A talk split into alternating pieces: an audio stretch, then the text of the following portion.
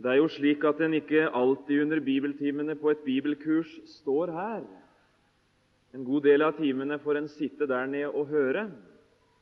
Og Da legger en også litt merke til enkelte som sitter nedover i salen og følger med i det som bæres fram. Og Jeg syns det har blitt altså så stort og fint å se enda en gang åssen alle, ikke minst disse ungdommene her, sitter med bibel og med penn og med blokk og noterer og følger med. Vi skulle ha ant hva det betyr å sitte så mye og så lenge under den kolossale innflytelse Guds ords påvirkning. Det må altså bli frukt av slike samvær. Nå vil vi be om at det skal skje også denne gangen. Herre Jesus, vi vil be om å få høre et budskap nå som kunne bli til frukt i våre hjerter og i våre liv. Vi vil utbe oss, Herre, et budskap som kunne være til mye ære for ditt navn. Vil du lukke opp noen av Skriftens hemmeligheter for oss enda en gang, og la oss få se inn i de underfulle ting i din lov. Vil du hjelpe oss, Jesus, å tenke som ditt ord tenker, og dele som ditt ord deler, og forstå slik ditt ord skal forstås vil du, Hellige Ånd, veilede oss til sannheten. Amen.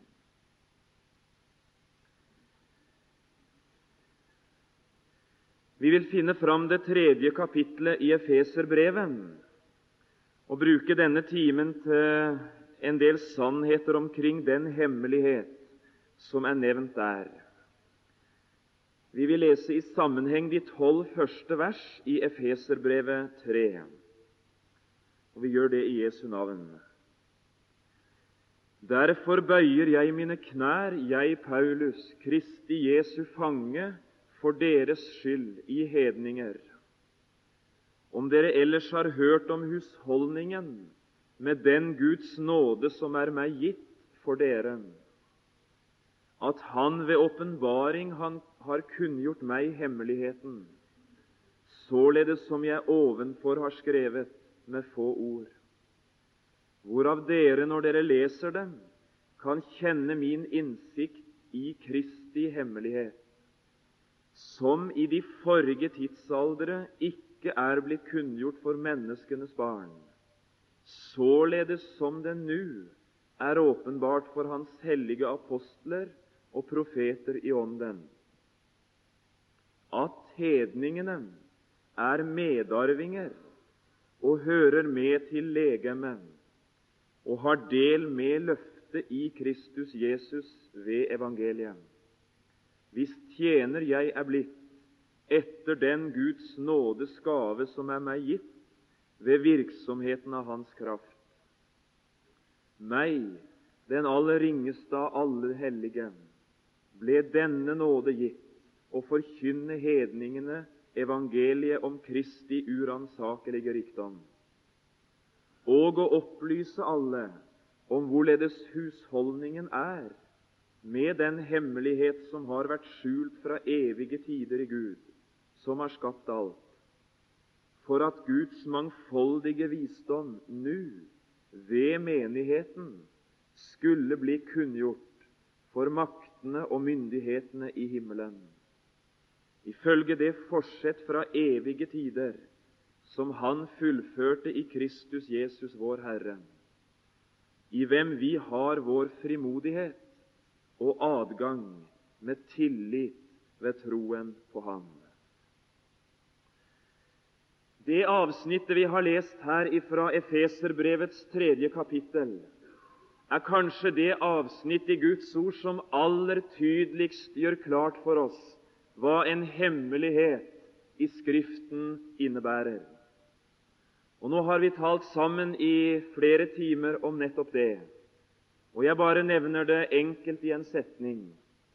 En hemmelighet i Guds ord, det gjelder et formål eller en sannhet som Gud hos seg har bestemt ifra evighet av, men som ikke ikke er kjent iblant mennesker før det øyeblikk kommer at Gud selv åpenbarer det for oss. Det er slik vi hører om hemmeligheten også her. Vil du se i det fjerde verset? Når dere leser dette, kan dere kjenne min innsikt i Kristi hemmelighet, skriver Paulus. I de forrige tidsaldre er den ikke blitt kunngjort for menneskenes barn. Den var kjent hos Gud, med andre ord, men ikke hos oss. Men nå er den åpenbaret for Hans hellige apostler og profeter i ånden. Og så gjøres Guds hemmeligheter kjent gjennom Guds ord. Vi har talt om to av disse sentralhemmelighetene til nå. Vi har talt om Guds fryktens store hemmelighet, Kristus åpenbaret i kjød, Han som steg ned fra himmelen og ble menneske for vår skyld, og slik fullførte hele frelsesverket. Vi har talt om gjenfødelsens dype hemmelighet, det underet som skjer når den evige Gud selv stiger inn i et menneskehjerte ved sin ånd. Kristus vil bo ved troen i deres hjerter. Denne tredje store hemmelighet i Guds ord, som vi har lest om i dette avsnittet, det er menighetens hemmelighet. Nå har sannheter i forbindelse med menigheten vært berørt på forskjellige måter i de andre bibeltimeseriene. Og Jeg har lyst bare å ta fram noen sannheter knytta til menigheten i denne timen, for å supplere litt av denne store hemmelighet Kristi menighet. Det ene som jeg nevnte så vidt den første timen, og har lyst til å understreke igjen, at denne store hemmelighet, Kristi menighet, den er aldri til fulle lagt for dagen før igjennom Paulus sin forkynnelse. Da Jesus taler med sine venner for siste gang, så sier han det. Jeg har ennå meget å si dere, men dere kan ikke bære det nå. Det er Johannes 16, 12. Men, sier Jesus, når Han, sannhetens ånd, kommer, skal Han veilede dere til hele sannheten. Og Så lyder det i slutten av Johannes 16, 13, De tilkommende ting skal Han forkynne dere. Det er det ord som går i oppfyllelse når Paulus' evangelium forkynnes i hans ord og budskap. Menighetens hemmelighet den legges altså ikke for dagen før gjennom Paulus' ord og skrifter. Det trekkes aldri noe slør til side fra denne hemmelighet før gjennom hans budskap. Det er viktig å være oppmerksom på om en skal lese Guds ord rett. Menigheten er for det andre det tredje folk i Guds ord. Det er det tredje folk, den tredje klassen av mennesker i Guds ord. Det er det tredje folk som Gud gjør oss oppmerksom på finnes i sitt ord. I Første Mosebok 12 finner vi at det blir en forskjell i denne verden på ett folk og på alle andre folk. Da velger Gud ut iblant mennesker én mann, Abraham. Og så knytter han særlige løfter til Abraham og til Abrahams ett og slekt. Fram til første Mosebok tolv er det bare ett slags menneske i denne verden. Ifra Første Mosebok 12 og helt fram til pinsedag i apostelgjerningene 2 er det to klasser mennesker. Det er jøder, og så er det hedninger. Ifra Første Mosebok 12 og fram til et stykke ut i apostelgjerningene så er den evige Gud Israels Gud. Han er Abrahams Gud, han er Isaks Gud, og han er Jakobs Gud. Alt han nå gjør, det gjør han først og fremst med sikte på dette folk. Hele Guds handlemåte gjennom disse mange, mange hundreder av år gjelder dette utvalgte Guds paktsfolk. Et jordisk velsignet folk, velsignet med velsignelser av jordisk karakter og kvalitet. Men så forkynnes det noe. Det forkynnes noe om et tredje folk som nå er i ferd med å bli en virkelighet i denne verden. Det var så skjult at da Jesus antyda det en gang for sine venner, så forsto de det i virkeligheten ikke. I 1. Korinterbrevs tiende kapittel og det 32. vers det kan dere ungdommene merke dere. Der finner vi disse tre forskjellige folk nevnt ved navn. 1. Korinterbrevets 10. kapittel og 32. vers. Vær uten anstøt, både for jøder og for grekere og for Guds menighet. Jøder, grekere, hedninger med andre ord, og Guds menighet.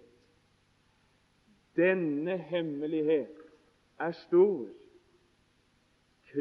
Kristi menighet.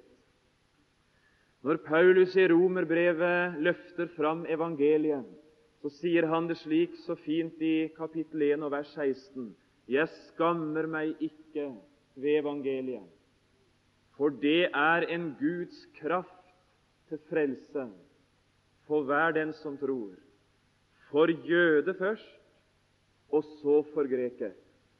Det er som Paulus antyder, at i min tid så skal evangeliet om Kristi fullbrakte verk forkynnes for jøde først, og så for greker. Og der evangeliet finner åpne hjerter, føder tro og liv, der vil det ut av troende jøder og hedninger dannes et nytt, tredje folk, Kristi menighet. Guds handlemåte i nådens tid er knytta til nådens evangelium. Og det den evige Gud er opptatt med nå, det er ved evangeliet å ta seg ut et folk for sitt navn, bestående av hver den som tror på den Herre Jesus. Derfor skal evangeliet forkynnes for jøder i nådens tid, for jøder enkeltvis, om de kunne komme til personlig tro på den Herre Jesus. Derfor skal evangeliet forkynnes i hele verden for mennesker enkeltvis, om de kunne føres igjennom til lys i evangeliet og til tro på Jesus. Dette er kjente ting i denne forsamlingen. Vi streker under det likevel for å holde det klart. Guds menighet er det tredje folk i Guds ord. I apostelgjerningene 15 leser vi om et stort apostelmøte i Jerusalem. Her ble disse forhold forholdsvis bredt tatt opp. Det var ikke ganske lite spenning knytta til den virksomhet som forkynte ord om Jesus til mennesker av hedninghet. Det voldte så store vanskeligheter, og det voldte slike konflikter at det var altså nesten så det var uforenlig de kalte sammen et møte. Og her skapes det altså en samling der den evige Gud ved sine vitner avklarer for oss litt av sin handlemåte i fortsetningen.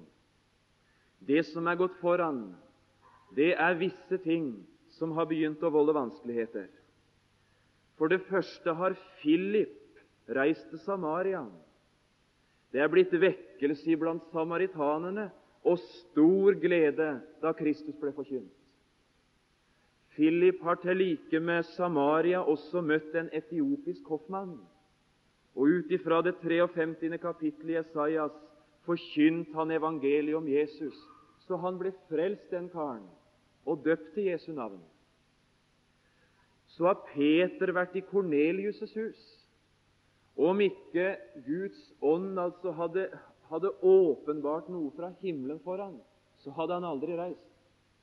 Men kapittel 10 og 11 i apostelgjerningene det er enda en opplevelse av at den evige Gud er i ferd med å, med å bryte over i retning hedninger. Nå har Paulus og Barnabas reist ut med ord om Jesus, først til jøder. Men det var skjedd noe i kapittel 13. Hvis du leser i det 44. verset i sammen med meg, så vil du se at på et punkt så kommer eh, Paulus og Barnabas til en sabbat, vers 44 i kapittel 13. På den neste sabbat samlet da nesten hele byen seg for å høre Herrens ord. Men da jødene så folkehopen, ble de fulle av nidkjærhet og motsa det som ble sagt av Paulus, ja, motsa og spottet. Og Så skal du merke deg et, ord. Da tok Paulus og Barnabas til orde og sa dem rent ut. Det var nødvendig at Guds ord ble talt først til dere. Men siden dere støter det fra dere og ikke akter dere verdige til det evige liv, så vender vi oss nå til hedningene.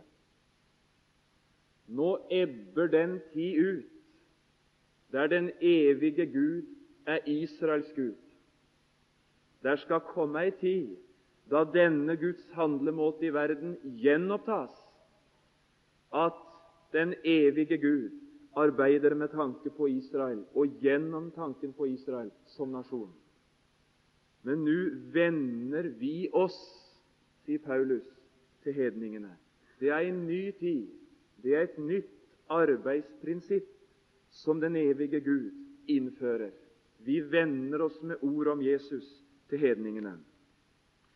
Det var ingen hemmelighet at Gud skulle arbeide med hedninger. Det var heller ingen hemmelighet at hedninger skulle bli frelst og oppleve velsignelse fra himmelen.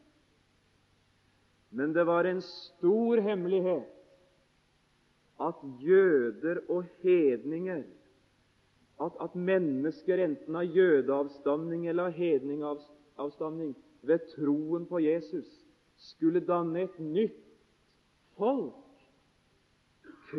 Kristi legeme, hans menighet i denne verden.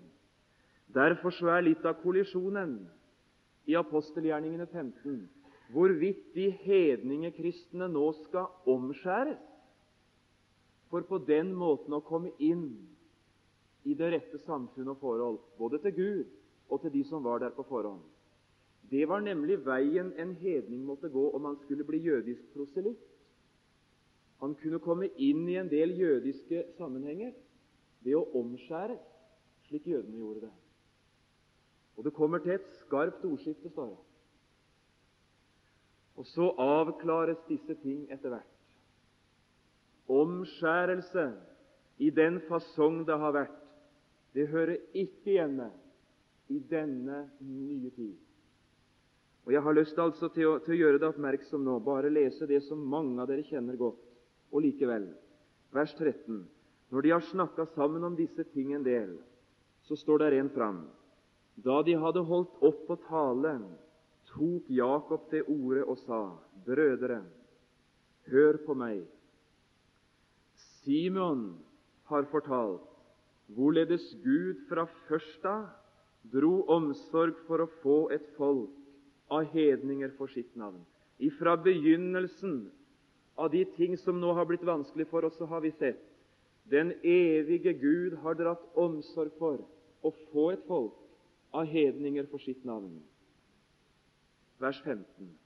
Dermed stemmer profetenes ord overens. således som det er skrevet.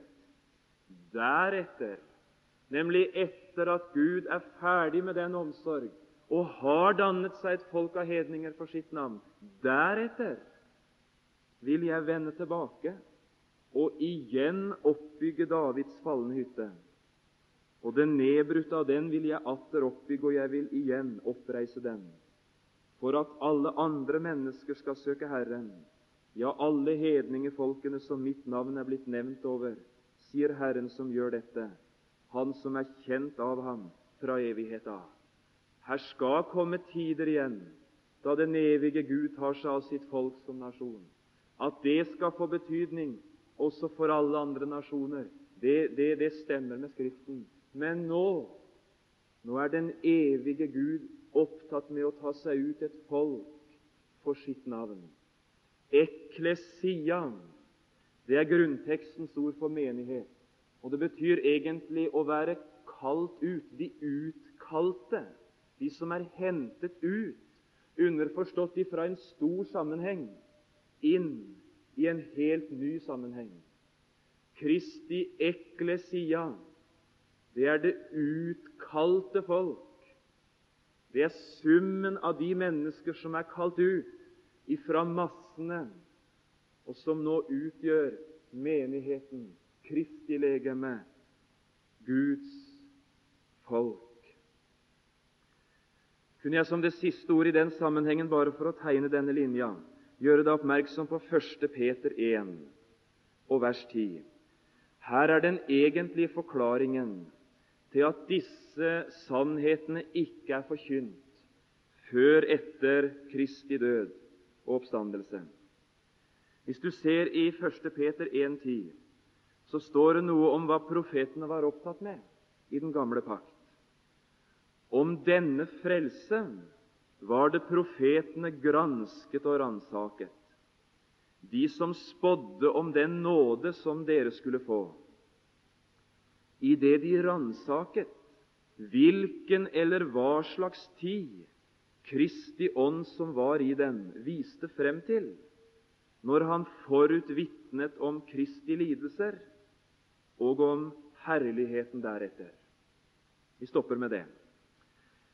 For å forstå et sånt ord som det, så skal en være oppmerksom på hva det profetiske perspektiv innebærer for noe. Det profetiske perspektiv ser du aller tydeligst ved å ta deg en tur på fjellet. Jeg er altså født i Innlandet og ubegripelig glad i å gå i fjellet. Der ser en liksom det, pers det profetiske perspektiv malt for øynene. Da er vi ute og går ikke sant, på vidde, og så er det topper, og så er det daler, og så er det topper igjen, og så, og så er det så mye å fryde seg over. Av og til så, så kan vi bli litt lura på fjellet. For vi står kanskje på, på ei slette eller flate, og så ser vi bort mot en topp. Vi syns ikke det ser så veldig langt ut til toppen heller, hvis vi skal være helt ærlige. Og vi tenker oss den toppen, den skal vi opp på. Og, og når vi er kommet opp på den toppen, så tar vi en tur til den andre toppen òg, som ligger like bak. For bak denne første toppen der ser vi er en annen topp òg. Og vi tenker har jeg først kommet opp på den første, vel, så tar jeg og stikker enda bort på den andre. Det er sånn så vi ser det litt på avstand. Det er bare det at når vi begynner å, å, å gå imot den første toppen, så er det mye lenger enn vi hadde trodd. Og det tar mye lengre tid å komme til topps første gang. Og, og jo mer vi nærmer oss toppen, jo brattere blir det. Og nå ser vi ikke engang den neste toppen, nå ser vi bare altså så vidt litt av denne første toppen. Det var slik de opplevde det i møte med Kristi Korser. For den første topp som profetene så, den kaller de slutten av vers 11 Kristi lidelse. På avstand så så de at, at himmelen skulle besøke denne verden. Og de så himmelbesøk både i lidelse og i herlighetsaspekt. Og de trodde aldri det skulle gå så lang tid. Men da tida gikk, så, så, så, ble det, det tok lengre tid enn de hadde trodd. Og når de siste av Jesu venner er helt i nærheten av toppen, Jesu egne venner, så ser de bare et nakent kors og en mørk himmel, og alt er svart. Profetene de så denne første toppen, men de så en til. De så herligheten deretter. Og så så de det på avstand, at det kunne se ut som om disse to topper nesten gikk i ett. altså. Det var bare det at da de passerte korset, da de passerte den tomme grav og kom til pinsedag, så oppdagte de at mellom disse to toppene var det en stor dal. Og det var mye større avstand mellom den første og den andre topp enn de hadde trodd. Det som lå i denne Guds dal, imellom disse to toppene, Kristi lidelse og herligheten deretter, det var umulig å få øye på ifra, ifra den gamle pakt. Det var umulig å se det. En måtte passere korsets og oppstandelsen og pinsedagens topp før en begynte å få perspektiv og oversyn over denne helt nye dalen. Kan du se det perspektivet? Det, det er jo innlysende. Og det er det Guds ord sier.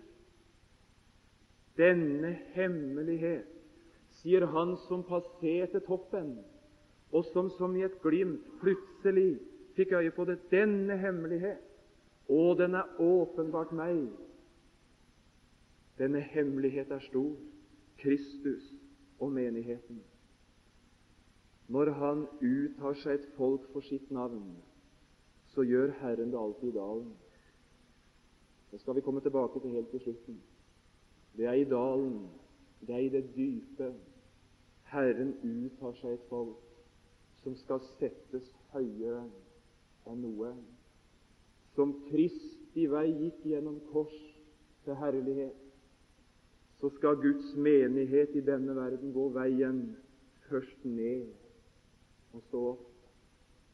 Her er ingen herlighetsløfter knytta til jordisk velsignelse og rikdom og lykke og framgang, lovet Kristi menighet. Den er i dalen og den er der så lenge den skal være i denne verden. Vi kommer tilbake til det helt i slutten. Ta med deg det profetiske perspektiv om Kristi menighet. Når de over pinsedag får øynene opp for denne store hemmelighet, så oppdager de også to parallelle linjer i denne menighetens dal i verden. Og disse to linjene de er, de er ikke rå å utlegge uten med mye tid og i stor sammenheng. Så disse to hemmelighetslinjene de har jeg bare lyst til å gjøre oppmerksom på, og i stedet ta fram noen få kjennetegn. Så hører Kristi menighet i verden til. Men jeg vil altså gjøre deg oppmerksom på linjene. Vi går til åpenbaringsboka 1. Nå er vi jo ikke annet enn i åpenbaringen i de andre bibeltimene, så her bare nevner vi hva det står. Åpenbaringen 1, vers 19. Skriv da det du så, både det som er, og det som heretter skal skje.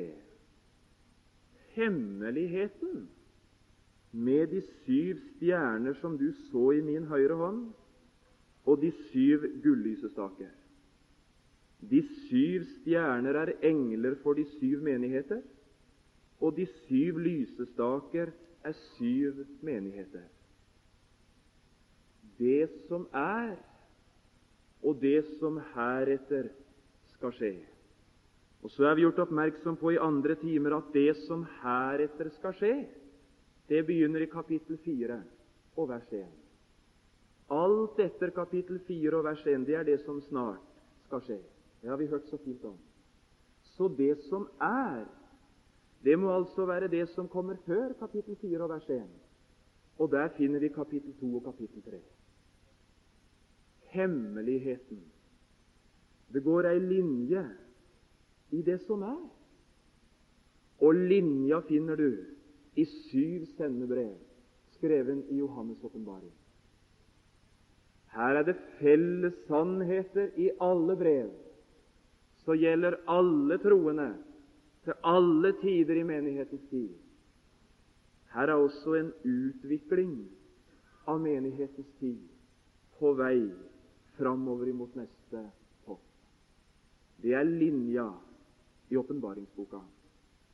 Parallelt med den går ei linje som er omtalt i et av evangeliene, i kapittel 13 i Matteusevangeliet. Jeg har ikke noe, noe, særlig lys over det der, så jeg har bare lyst til å nevne det lille, for jeg syns jeg aner. Her tales det om noe som kalles himlenes rike.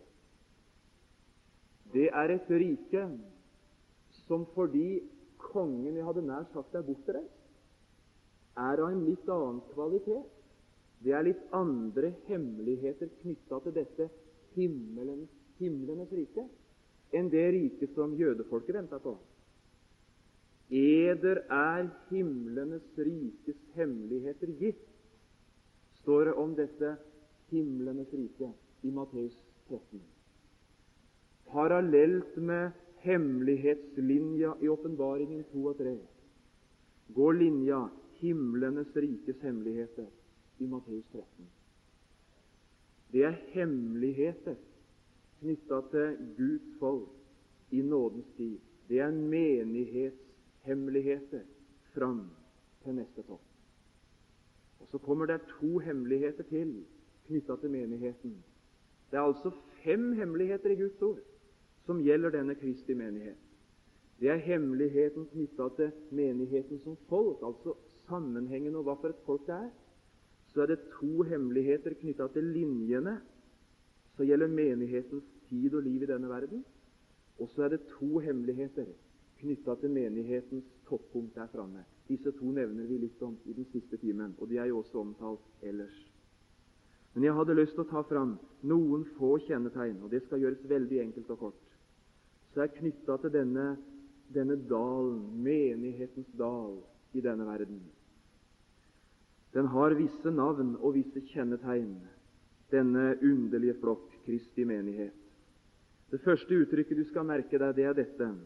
Menigheten er en Guds bygning eller en Guds bolig.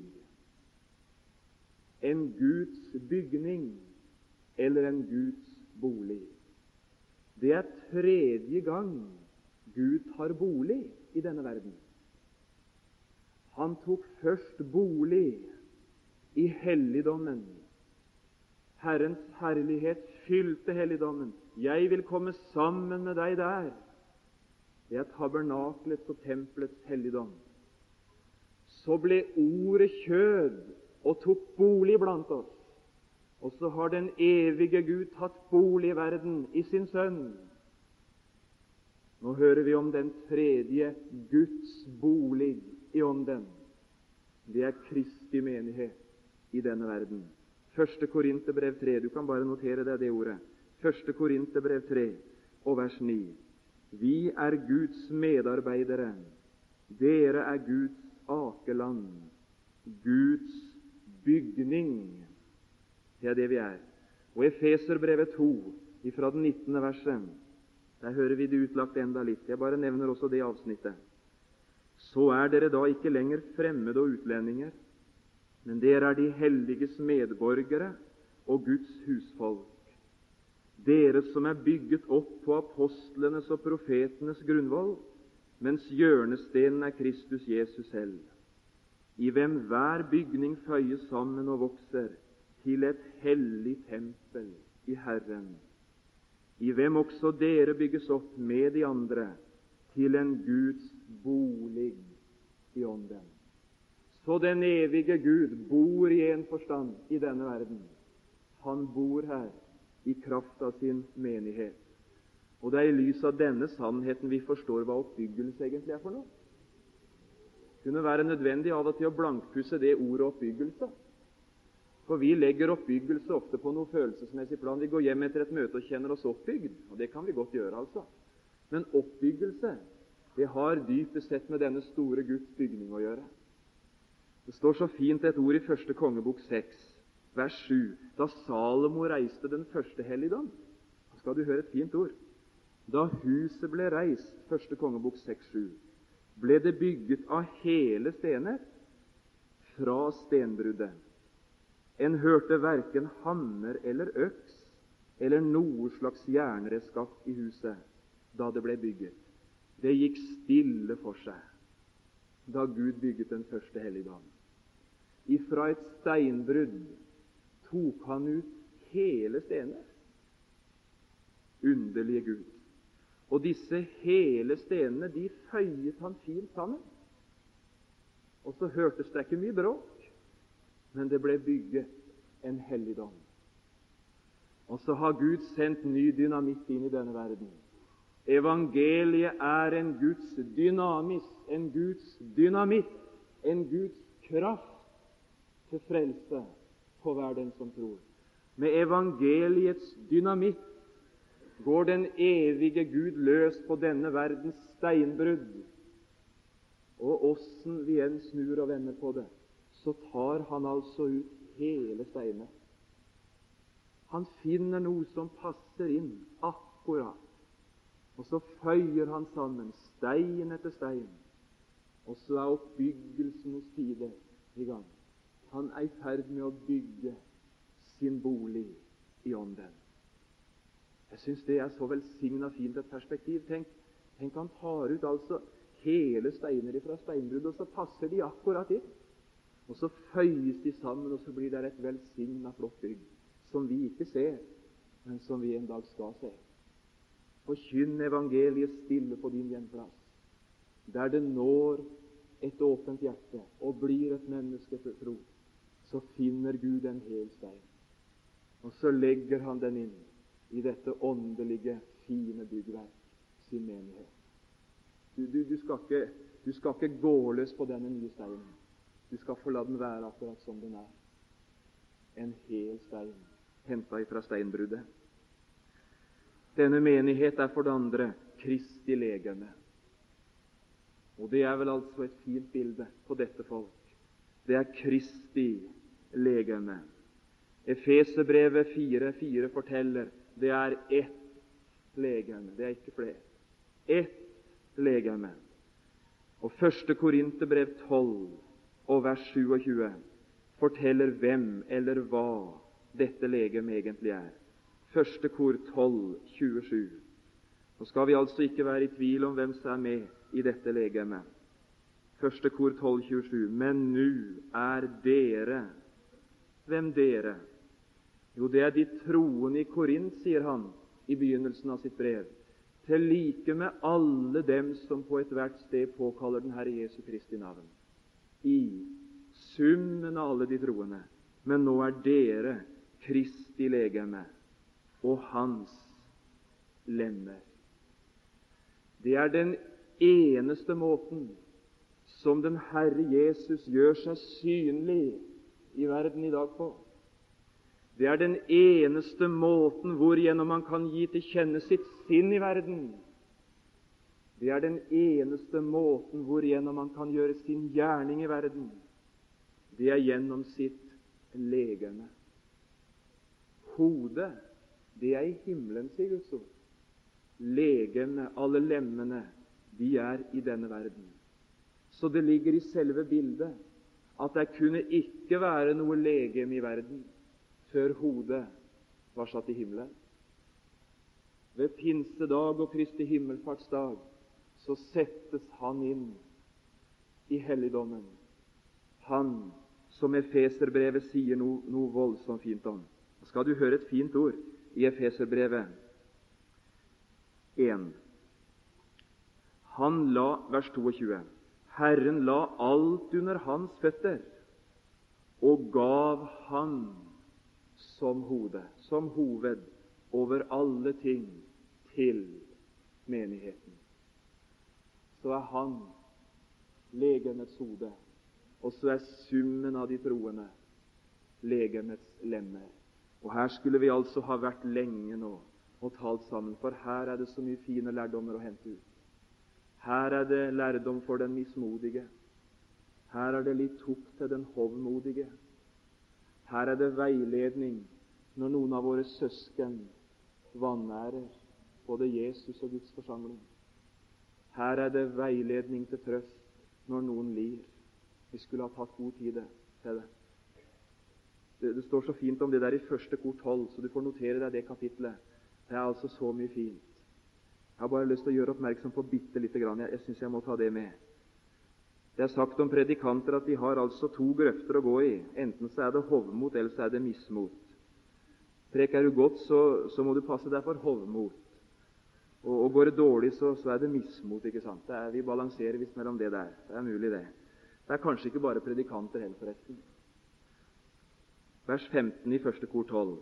Om foten sier 'fordi jeg ikke er hånd', hører jeg ikke med til legemet, så hører den like fullt med til legemet. Og om øret sier 'fordi jeg ikke er øye', hører ikke jeg med til legemet, så hører det like fullt med til legemet. Du, det går an å se på noen andre av lemmene.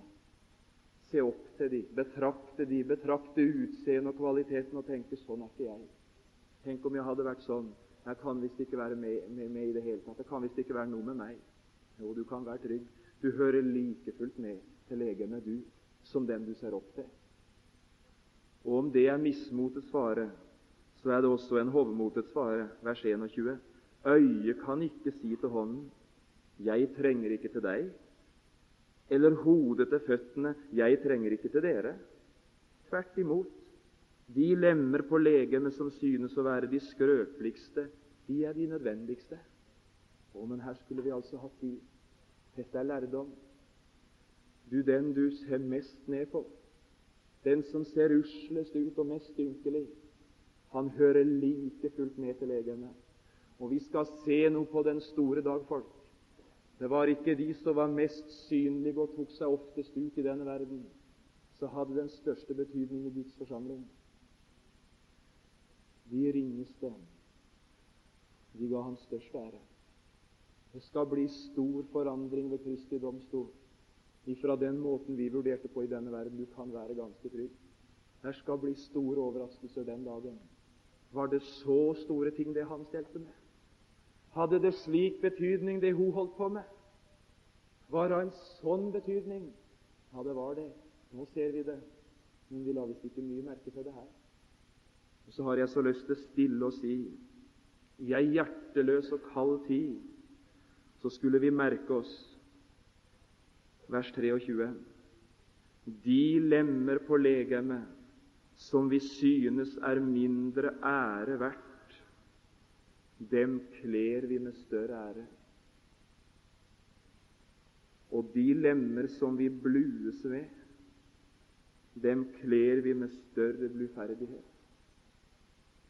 Kjærligheten skjuler en mangfoldighet av synder. Det skulle være prinsippet i Guds forsamling. Du, det er noen som ikke lever til ære. De lever til vanære både for Jesus og for Guds forsamling. Du må ikke løfte dem fram på torget. Du må ikke skrive om de avisene. Du må ikke spre deres navn ut. Dekk de, skjul de. Kjærligheten skjuler en mangfoldighet av synder. Ikke ved å gå på akkord med, med det som er galt, men ved å være god imot Han som Jesus er død for. Å, men vi har mye altså å be Gud om tilgivelse for i behandlingen av våre nådesøsken som de gikk alt for. Når ett lem lider, så lider vi andre med. Det skulle du tenke på når du gikk til, til sjukesenga. Du skulle ikke gå og si til han om du bare hadde trodd mer, om du bare hadde hatt, hatt, hatt mer helhjerta overgivelse, om du bare hadde vært bedre kristen og vært sånn og slik, så er det klart Gud hadde både helbreda deg og reist deg opp og gjort deg frisk. I legemet så lir lemmene med det lem som lir. Det er ikke i pakt med den ånd å legge slike forferdelige steiner til byrden, så gjør det enda tyngre for ham som det er tungt for fra før. Så skal du få altså et fint ord. I Galaterbrevet 6 skal være nesten det siste jeg sier. I Galaterbrevet 6 der står det tilsynelatende to ord som er uforenlige. Det står for det første Bær hverandres byrder, vers 2 og oppfyll på den måte Kristi lov. Men så står det videre i vers 5 For hver skal bære sin egen byrde, står det. Og Vi ville jo altså tilsynelatende si at dette er selvmotsigende. På den ene sida skal enhver bære sin egen byrde, og så på den andre sida skal vi bære hverandres byrder. Sånt henger ikke på greip. Guds ord stemmer ikke overens. Nei, vi har visst ikke fått se hva det er å bære hverandres byrder. Skal du få altså en fin sannhet. Å bære hverandres byrder, det gjør du når du får øye på en bror så har det så tungt å bære nå at han er i ferd med å seie under byrden. Så går du bort til denne bror. Så går du inn under åket med han. Og så bærer du byrden sammen med han helt til kneiken er over, og han igjen er i stand til å bære den selv. Du skal ikke frata den lidende og den nedtyngede hans byrde. Enhver skal bære sin egen byrde. Men når det er for tungt for ham, så skal du gå inn i hans nærhet, og så skal du bære sammen med ham. Synd, sier Gustav i Filippebrevet, kom dem til hjelp. Synd, sier Gus, du som er i stand til å, til å bære sammen med dem. Gå inn under åket og bær sammen med dem til kneiken er gått forbi. Og mitt lem lir, så lider de alle med. Jeg har lyst til å si til slutt, og jeg har lyst til å si det med tyngde Menighetens liv i denne verden, det er alltid et liv i dalen. I dalen. Det betyr at ofte kan avstanden til himmelen synes stor. Ofte kan sollyset være langt vekk, og varmen ikke riktig så varm som vi skulle ønske den var. Men det er i dalen at rosene vokser. De vokser blant torner, men det er rosen du finner i dalen. Gud vil suksess. Han vil lykke. Han vil medgang. Han vil fremgang. Han vil intelligens. Han vil suksess på alle måter. Nei, sier Guds ord. For det åndelige folk er lovt åndelige velsignelser. Men de åndelige velsignelsene hører himmelen til. De kan nytes i dalen, men ikke på en sånn måte som en nyter jordiske velsignelser. Har de forfulgt meg, så vil de forfølge dere. Som de gikk meg, vil det gå dere. Kjære troende venn, du er i dalen. Den evige Gud, han har aldri vært lykkelig lykkens og suksessens Gud, slik det så ofte forkynnes i vår tid overfor det folk som er i dalen. Han er den lidende frelser midt i sin lidende menighet, som lutrer ved ild den tro som skal prøves, så det kan bli himmelgull ut av det. Kjære lidende venn, du er i dalen, men du er ikke alene i den. Han går ved min side. Han leder min gang. Han blir ikke trett, han som jeg. Til slutt. Jeg drømte at jeg var kommet til himmelen, og at jeg så tilbake på mitt liv i verden. Jeg så to fotspor i sanden. De laveste punkter der så jeg bare ett spor. Jeg sa, Herre, jeg ser at du så ofte gikk ved min side på jord. Jeg ser at du så ofte var meg nær. Hvorfor forlot du meg da det var tyngst for meg? Hvorfor måtte jeg gå alene gjennom den dypeste dalen? Mitt barn, det var i den dypeste dalen, ikke dine spor, men mine du så. Det var de ganger jeg bar deg hjem. Herre Jesus, takk at du er hos oss i dalen, at du går ved vår side og leder vår gang. Du blir ikke trett, du som jeg. Og når det er litt riktig svart og tungt for oss, så bærer du oss igjennom. Og så fører du oss helt igjen. Takk for denne store, rike hemmelighet. Menighetens vidunderlige sannhet. Kunne vi få glede oss i det, Jesus? Amen.